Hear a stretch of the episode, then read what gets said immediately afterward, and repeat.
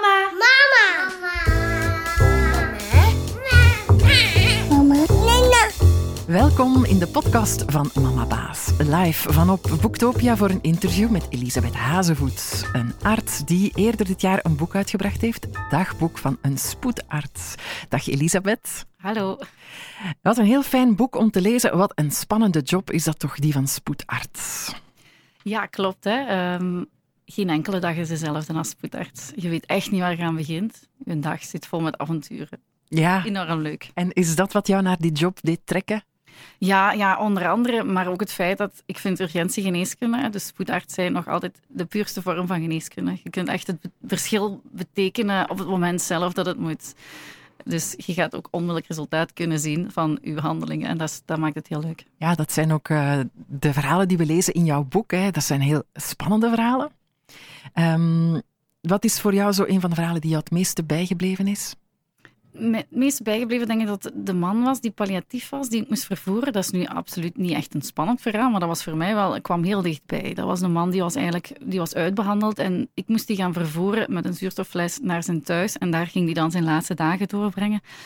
En die man had zo een rust en kalmte over zich. Die had zijn lot eigenlijk gewoon aanvaard en die was er echt heel tevreden mee. Die was, die was gelukkig op dat moment en die heeft mij ook gezegd toen het zijn de kleine dingen in het leven die er te doen en niet de, welk, hoeveel uur je gewerkt hebt om een dag, weet ik veel. En ik vond, ik vond die man, ja, ik, ik keek daar heel hard naar op. Ik hoop dat ik ooit, als ik ooit moet gaan, hè, en je weet het, dat, dat je ook zo'n afscheid kunt hebben en dat je daar zo ook zo mee kunt gaan om, omgaan. Ja, het zijn dingen die je echt niet vergeet. Nee. Of mensen die je nooit meer vergeet. Klopt. Ja. Um, je hebt heel wat verhalen. Ik vraag me dan af, heb je een soort dagboek bijgehouden of moest je gewoon in je geheugen graven? Zit dat er allemaal nog? Ja, um, ik heb een goed geheugen, dus dat zat er eigenlijk al, nog allemaal. En een paar casussen heb ik ook terug met mijn man besproken, want die heb ik destijds ook toen met mijn man besproken. En dan kwamen er wel allerlei details terug. Dus vandaar was die boekschrijven ook gewoon even graven in mijn geheugen. Ja, vond je het moeilijk om te schrijven?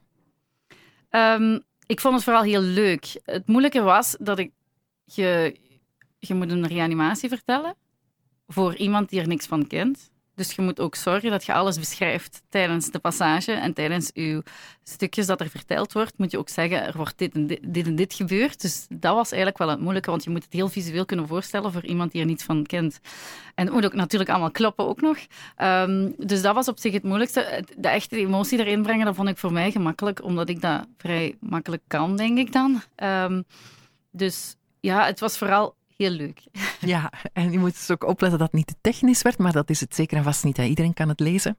Ja, ik denk dat de eindredactie heeft natuurlijk wel nog wat um, aanpassingen gedaan en die heeft wat voetnootjes gezet um, voor extra uitleg voor de lezer. Mm -hmm. Ik vond zelf het verhaal van dit meisje moet geholpen worden heel erg. Kan jij het eens vertellen, wat was daar aan de hand? Ja, we kregen eigenlijk een oproep van een, een, meisje dat verminderd bewustzijn had of dat bewusteloos was. En we komen dan op het appartement. Die deur staat al op een keer, maar we geraken zelfs bijna niet binnen. Dat staat daar vol met afvalzakken, met, met kratten. Met, je kunt je dat niet voorstellen, dat was gewoon een levende containerveld. Uh, dat is echt, daar liepen heel veel katten, uitwerpselen lagen daar overal. Uh, daar waren heel veel vliesjes was in, in winter, hè, dus zelfs dan waren er nog zo dikke vliegen en van die fruitvliegjes. En dan komen we eigenlijk in de living en daar zit die moeder in de sofa. Ik wist nog niet dat het die moeder was. Ik dacht dat dat de persoon was. Ze zegt ja, het is daar van achter te doen. En ja, ik denk dat er al een ambassadeur in de kamer was die zegt ja, het is hier te doen. Dus ik moet nu echt, want ik ben al klein en ik heb dan zo'n veiligheidsbroek aan met dikke schoenen. Dus ik moet me er echt zo door ploeteren. En dan komen we in een kamer die tot van boven gevuld is met afval. Dat is gewoon niet, niet te beschrijven. Ik dacht dat het alleen in films was, dat je zo ziet in Amerika, zo van die hoarders. Maar daar ligt dus iemand tussen die hoop, met zo haar hoofd naast een zakje dat zo in de wc-emmer lag, want er lag nog zo'n maandverbanden. Zo, allee, je kunt je dat niet Hmm. voorstellen. En daar ligt effectief een meisje en die ambulancier staat daarbij.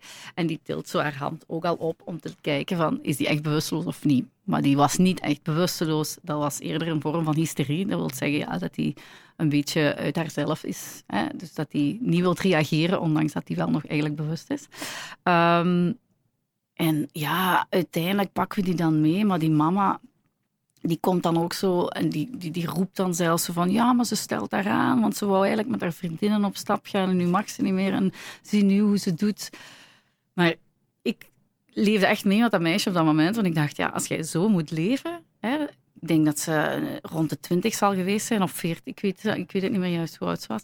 Ehm, maar als je zo moet leven, ik snap, ik snap dat je op dat moment ook niet meer wilt leven, want daar ging het dan eigenlijk over. Ze zegt dan eigenlijk dat ze, dat ze er niet meer wilt zijn en dat ze, dat ze pillen heeft genomen. Uiteindelijk bleek dat dan niet te zijn, maar dat, is, dat is onwaarschijnlijk dat er zulke tafereelen voorkomen in België eigenlijk. Ja, en heb je die dan kunnen helpen? Uh, nee, het enige wat we kunnen doen is sociale dienst hebben afsturen, um, psychologische hulp inschakelen. Maar je weet ook dat dat niet op 1, 2, 3 veranderd is. Hè. Als ze in zo'n situatie zit met haar moeder, je kunt dat appartement leeghalen, maar dat staat waarschijnlijk binnen een paar maanden terug. Zover, hè. En dat meisje ook, als zij dan ook niet echt geholpen wilt worden of ze naar huis wilt, ja. Ja, dat lijkt me wel heel moeilijk om dat dan uh, van je af te zetten. Ja. Hoe doe jij dat? Goh, uh, door te praten met uh, mijn partner, met mijn man, die is zelf ook arts. Dus um, dan worden zulke dingen wel besproken. Natuurlijk, je leert daar wel meer mee omgaan in het begin. De eerste patiënt die voor je ogen sterft, is zeer aangrijpend. Um, maar de honderdste is ook nog aangrijpend. Hè. Die is niet meer extreem aangrijpend. Je gaat er nog wel van kunnen slapen, maar het doet wel wat met u. En het zet u wel aan denken. En je ziet dat, het leven heel fragiel kan zijn. Ja. En dat het soms echt slecht, slechte timing is en dat dat uw noodlot is. En als het er is, is er. Ja, en zeker als spoedarts kom je wel vaker van die dingen tegen. Ja, klopt. Dan ja, dat is no, eigenlijk altijd een ongeluk is, is schuilt achter de hoek maar. Hè. Dus, Ja, nu Elisabeth, jij schreef dit boek, Dagboek van een spoedarts, maar we moeten daar eerlijk in zijn. Eigenlijk doe je dat ondertussen niet meer, hè? nee, klopt. Ik denk sinds 2020, uh, de tijd van corona. Um, op dat moment was ik zwanger en ik had nog twee kleine kindjes. Mijn jongste zoontje, alleen nu mijn middelste kind eigenlijk, um, had zeer zwakke longen. Dus wij waren eigenlijk wel heel ongerust. Ik was daar ook al van januari mee bezig van corona dat is, of covid. Dat is absoluut niet maar een gewone griep. Ondanks dat dat toen wel gezegd werd op tv. Hè. Toen werd er zo wat lacherig gedaan. Maar ik had echt wel, ik was bang. Ik was echt bang. En zeker omdat jij als urgentiearts sta je op de eerste lijn met de zieke patiënten. En ik denk dat, ik weet het nog goed, vrijdag de 13e, dat was 13 maart. Uh, ik denk dat dat een paar dagen voor de nationale lockdown is geweest. Um, ik heb de laatste dag gewerkt eigenlijk op, op spoed. Toen moest ik wissers nemen van zieke mensen. En dat was de ene jonge mens na de andere die bijna aan het sterven waren. Op dat moment was dat ook nog een heel ander virus als nu, uiteraard.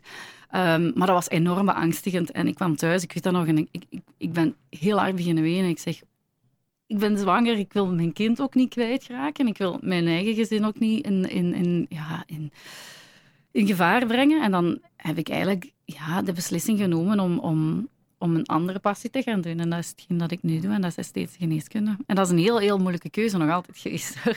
Ja. Um, en eigenlijk was altijd mijn droom geweest om een beetje half-half te doen. Um, maar de praktijk thuis is dan zo gegroeid dat ik nu nog niet terug dadelijk naar spoed zou gaan, maar ik zie mezelf wel nog ooit terug gaan naar spoed. Ja, waarom? Wat lokt daar dan zo? Ja, gewoon um, de passie. Ik heb daar zes jaar voor gespecialiseerd na mijn studie geneeskunde nog. Um, dat doe je niet omdat je tijd te veel hebt. Dat doe je omdat je daar echt geïnteresseerd in bent.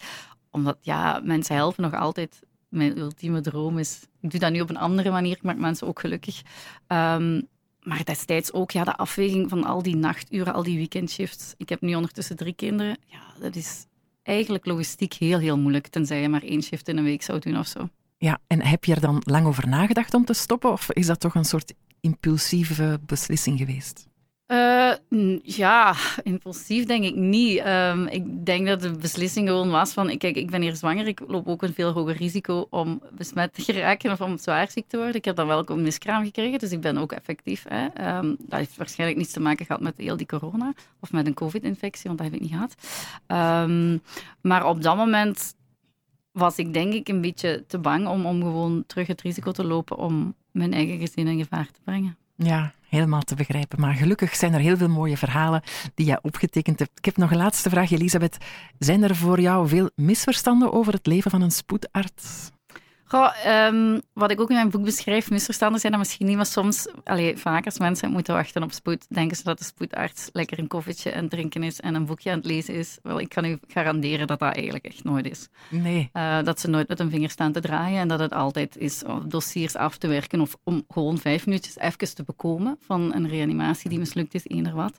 Um, en dat is ook een, een, ja, dat wil ik ook meegeven aan mijn lezers, dat urgentieartsen ook maar mensen zijn die heel hard hun best doen.